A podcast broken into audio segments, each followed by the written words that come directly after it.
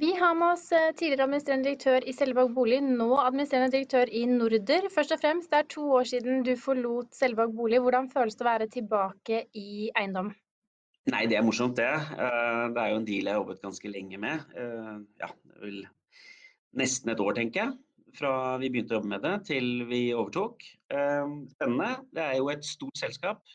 Og stor aktivitet både i Norge og Sverige. Det er jo et litt annet selskap enn de har ledet tidligere, i og med at to tredjedeler av porteføljen nå ligger i Sverige. Så det er spennende. Ja, for I begynnelsen av september, bare for å dra seerne og lytterne våre gjennom det, så ble Veidekke Eiendom solgt til et konsortium bestående av bl.a. Fredensborg, Norwegian Property og Union Real Estate. Og du skal lede dette selskapet. Hva er det dere har satt dere som mål for Norder? Nei, altså For det første, det vi har sagt er at vi nå skal først få kontroll over hva vi har kjøpt. Det er klart at Når man kjøper en portefølje med 18 000-19 000 boliger som skal bygges de neste årene, så eh, vi, er, vi kjenner jo ikke selskapet så, så godt ennå, så vi skal inn og jobbe med det. Um, og så er det jo spennende. Det er mye dyktige medarbeidere som vi må bli kjent med og få litt kontroll over, over selskapet. Um, og så er det klart at uh, vi har jo ambisjoner, det har man jo alltid. Uh, og spesielt i det svenske markedet er jo spennende. Det har vært et marked som har ligget litt nede et par år. Nå ser det ut som det er på vei opp igjen, uh, og det ønsker vi å være med på. Ja, for jeg vet at akkurat nå befinner du deg faktisk i Stockholm. Og, og, hva kan du si er den største forskjellen mellom Oslo og Stockholm i den situasjonen vi befinner oss akkurat nå? Nei, det er jo det at uh, Hva skal du si for noe? Jeg, føler vel at um, det fremdeles er jo litt covid-19-shutdown i, i, Stockholm. På en måte Kanskje litt som man er i ferd med å få i, i Oslo igjen også. Ehm, det er det ene. Det andre er hvis du ser på eiendomsmarkedet og boligmarkedet, så er det ganske mye likt. Det er lite til salgs i Stockholm nå, og det kommer til å være lite til salgs de neste par årene i forhold til den eh, tilbudssiden som burde vært her. Eh, og det er akkurat det samme som i Oslo. Så Oslo og Stockholm blir eh, ganske like de neste to-tre årene. Men til tross for denne pandemien eller covid-19-situasjonen, så har vi jo sett at Oslo har hatt en flott prisvekst, og mange mener at året kommer til å ende opp 7 i hvert fall i Oslo. Eh, er det overraskende gitt den situasjonen vi står oppe i akkurat nå? Ja, du kan si det sånn. Det er jo overraskende sett tilbake på hvordan man trodde markedet kunne bli når man var i mars-april. Eh, så har markedet kommet eh, fort tilbake. og det vil si Vi har jo fått en normalisering, og på toppen av det så har jo renten gjort sitt til å på en måte booste markedet. Og Når du får en kombinasjon av lite tilbud og billige penger, så, så er det klart at da øker prisene. Jeg tror ikke vi har sett, det har jeg snakket om før også, Eh, de neste par årene vil det nok bli en ganske kraftig prisvekst basert på det i, i Oslo. Altså Tilbudssiden kommer til å være lav. Ja, for eh, Bare for tre uker siden så sa du at man kunne ende opp med å få en boligprisvekst eh, nærmere 25% de neste tre årene i Oslo. Mm. Men så i går så kom det et forslag fra Finanstilsynet om en innstramming av utlånsforskriften. Er nå det scenarioet om en boligprisvekst på 25% like sannsynlig? Ja, jeg vil si det. For det første så tror jeg ikke den kommer til å Jeg tror ikke Finansdepartementet kommer til å, å gå med på det forslaget fra Finanstilsynet. Rett og slett fordi det stenger såpass mange ut av boligmarkedet. Uh, og det er tøft nok å få kjøpt bolig i Oslo i dag allerede med det eh, regimet man har, med fem ganger inntekt, og at man skal regne med altså legge på renten med 5% for å se hva man tåler. Eh, da tror jeg det er andre tiltak som har vært bedre, f.eks. å si at man skulle ha fast rente på lån i ti år osv. Og, kunne låne mer penger. Men jeg holder fremdeles fast på det. Og så er det klart at eh, hvis du får veldig store innstramninger på kredittsiden, så vil det påvirke markedet.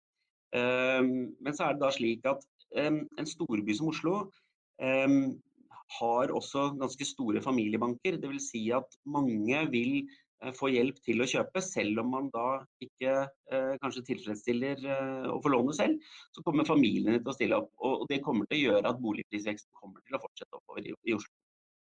Eh, ringvirkningene av dersom det strengeste forslaget fra Finanstilsynet blir iverksatt, bl.a. dette at man tar eh, maksimal lånegrense ned fra femgangeren til fire og en halv gangeren, og eventuelt at bankene får mindre fleksibilitet eh, til å arbeide utover 5 %-regelen. Hva, hva, kan du si vil bli de strengeste eller hva kan bli de mest alvorlige ringvirkningene av det?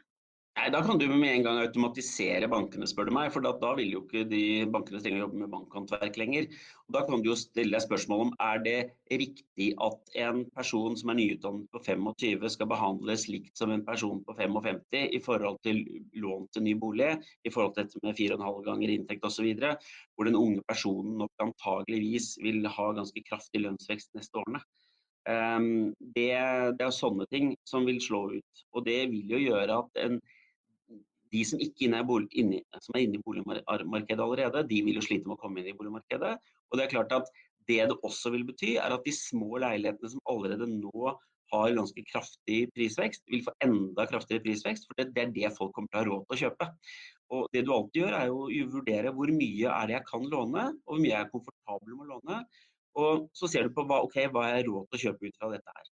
Uh, og Det kommer til å bety at leiligheter som er bygget tidligere, uh, som vi ikke har lov å bygge lenger, altså mellom sånn 25 til 35 kvadratmeter, kommer jo til å gå til syke priser i Oslo etterpå. Og Hvis vi da bare kikker mot Stockholm, uh, hvordan er boligprisvekstsituasjonen der for året? nå er vi på en, rundt en 4 eh, og den øker også. Den stoppet jo opp selvsagt gjennom eh, pandemien. Uh, og snudde egentlig samtidig som den gjorde i Oslo. Har ikke det samme løftet som man har hatt i Oslo, men det er jo litt pga. at man har jo ikke hatt det samme rentehjelpen uh, her. Da, her har renten vært lav hele veien. ikke sant? Man har jo hatt nullrente. Um, og det, det, gjør at du har ikke fått det samme hoppet. Men vi ser jo det samme fremover. er at Stockholm er på vei ut av en bølgedal. Man, Stockholm har jo hatt et ganske slapt boligmarked i to-tre år nå. Uh, rett før uh, covid-19 så var det i ferd med å snu, og så kom uh, covid-19 litt sånn ubeleilig for boligmarkedet, kan du si. Men nå er det tilbake på rett kjøl, igjen. Men Bård, vi må tilbake litt der du kom fra. For du fikk jo med deg flere titalls millioner ut døren når du gikk fra Selvåg bolig. og Hva har du brukt disse pengene til? Nei, det er jo bra. Det første, for det første så, så investerer jeg jo i dette selskapet som jeg leder nå. Uh, og så har jeg jo prøvd å følge Finansavisen og dere i forhold til tips på børsen, så jeg har jo gjort litt av det også. Uh, og har du fortsatt aksjer i Selvåg bolig? Nei, det har jeg ikke. Der solgte jeg meg ut uh, ja, i februar-mars i år. Og Hvis vi ser på eksponeringen din i Norder, da. Hvor, hvor, tungt er du inne der? Jeg kan si at jeg har, har investert en, en, del penger her, uten at jeg har lyst til å kvantifisere det akkurat nå. Så et spennende år i vente for et nyoppstartet selskap, og, og store mål, hvis jeg forstår deg rett. Ja, man må jo ha mål her i livet, hvis ikke så blir det veldig kjedelig. As humans, we're naturally driven by the search for better. But when it comes to hiring, the best way to search for a candidate isn't to search at all. Don't search, match with Indeed. When I was looking to hire someone, it was so slow and overwhelming. I wish I had used Indeed. If you need to hire, you need Indeed. Indeed is your matching and hiring platform with over 350 million global monthly visitors, according to Indeed data, and a matching engine that helps you find quality candidates fast. Ditch the busy work. Use Indeed for scheduling, screening, and messaging so you can connect with candidates faster. And Indeed doesn't just help you hire faster. 93% of employers agree Indeed delivers the highest quality matches compared to other job sites according to a recent Indeed survey. And listeners of this show will get a $75 sponsored job credit to get your jobs more visibility at Indeed.com slash podcast. That's Indeed.com slash podcast. Terms and conditions apply. Økonominyhetene er en podkast fra Finansavisen. Programledere er Marius Lorentzen, Stein Ove Haugen og Benedikte Storm Bamvik. Produsenter er Lars Brenden Skram og Bashar Johar. Og ansvarlig redaktør er Trygve Hegnar.